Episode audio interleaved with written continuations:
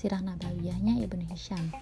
Dan lanjut ke bab 24 karena di bukunya uh, sumber yang saya bacanya tertulis seperti itu jadi bab 23 entah gimana juga mungkin uh, dalam pengeditan atau gimana juga kurang mengerti jadi saya langsung ke bab 24 penguasaan Kushay bin Kilab atas Mekah penyatuan Quraisy dan pendukungan Kuda'a Kushay bin Kilab mengalahkan para sufah Ibnu Ishaq berkata, pada tahun itu para sufah bekerja seperti biasanya karena orang-orang Arab telah mengetahuinya dan itu adalah agama menurut mereka pada masa orang-orang Jurhum, Khuza'ah dan pemerintahan mereka. Pada saat mereka bekerja seperti biasanya, mereka didatangi Kushay bin Kilab, diikuti orang-orang Quraisy, Kinanah, dan Kuda'ah di Akobah. Kushay bin Kilab berkata kepada mereka, kami lebih berhak menangani urusan ini atau haji daripada kalian. Kemudian terjadilah perang besar di antara mereka. Di akhir perang, para sufah kalah dan Kushay bin Kilab berhasil mengalahkan mereka dan merampas apa yang ada di tangan mereka. Penyerangan Kushay bin Kilab terhadap Khuza'ah, Bani Bakar, dan penyelesaian perkara mereka.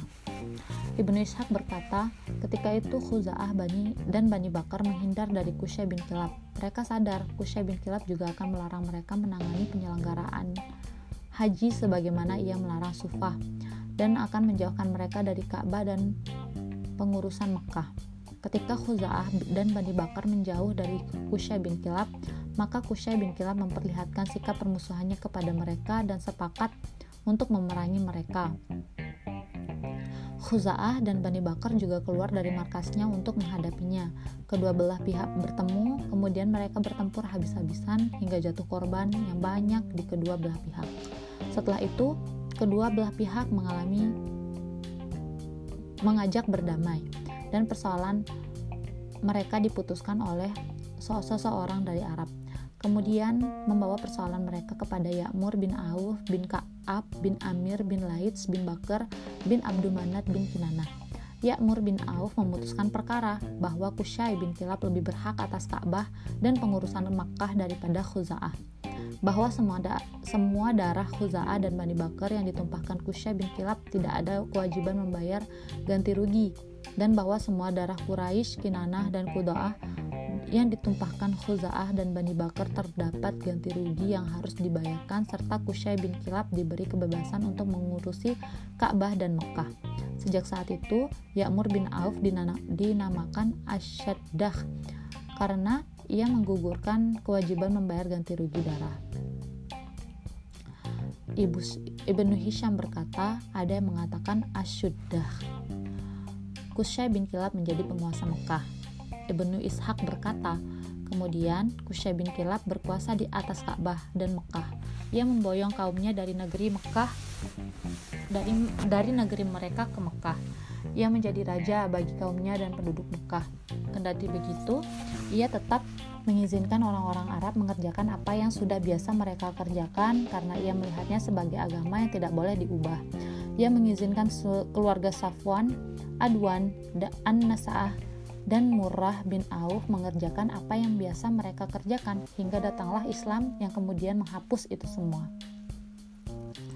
Jadi, Kusya bin Kilab adalah orang pertama dari Bani Ka'ab bin Luwai yang menjadi raja yang, di, yang ditaati kaumnya penjagaan Ka'bah, penguasaan sumur zam-zam sekaligus, pemberian minum jamaah haji dengan air zam-zam, jamuan makan kepada jamaah haji, Da'ar An-Nadwah, ruang pertemuan, dan komando perang Quraisy sepenuhnya berada di tangan Kushay bin Kilab.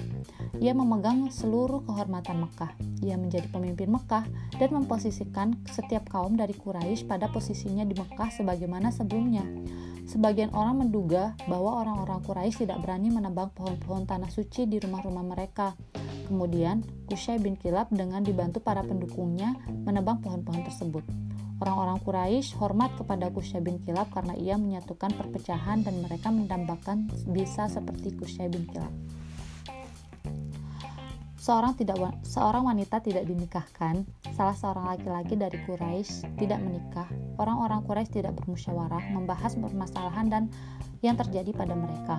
dan mereka tidak memutuskan perang kepada kaum lain melainkan di rumah Kusya bin Kilab dan penanganan itu semua dilakukan salah seorang dari anaknya.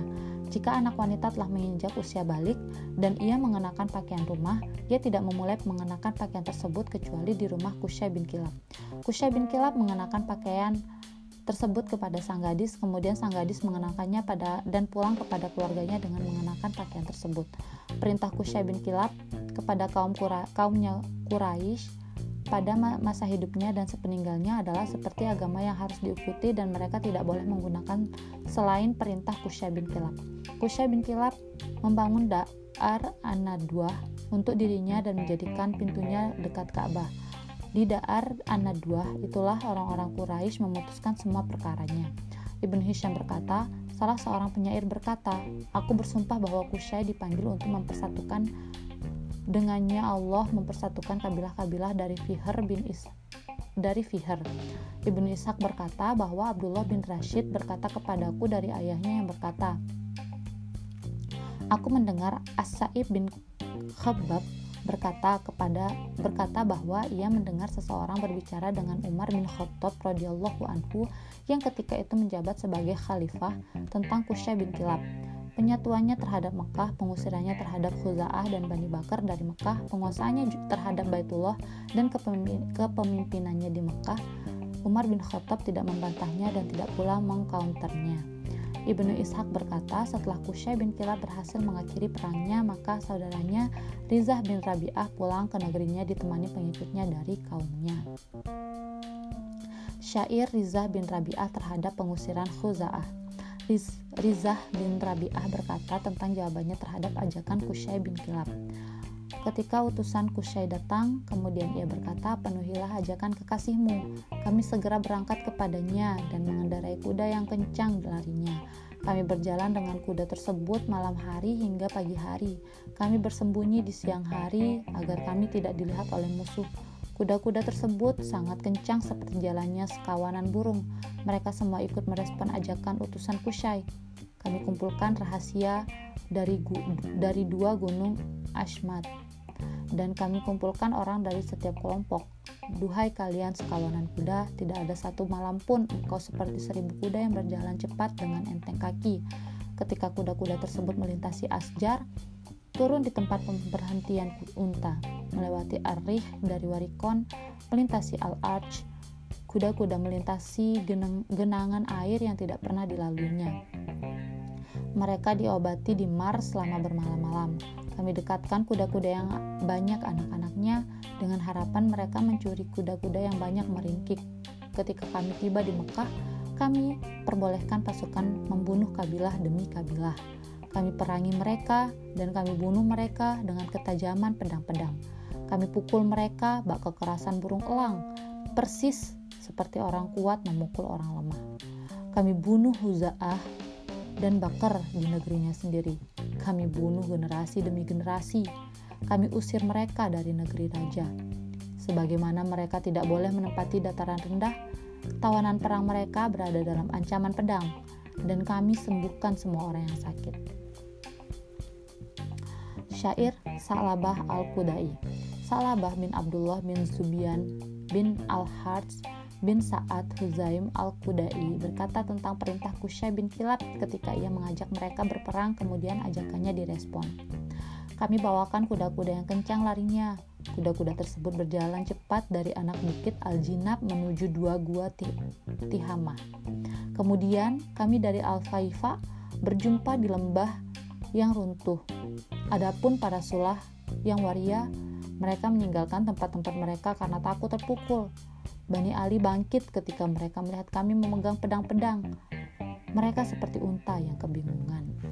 Ya, sekian bab 24. Kalau ada kesalahan semua dari saya dan kalau ada kebaikan dan manfaat yang bisa didapatkan semua berasal dari Allah Subhanahu wa taala. Sekian dan terima kasih. Wassalamualaikum warahmatullahi wabarakatuh.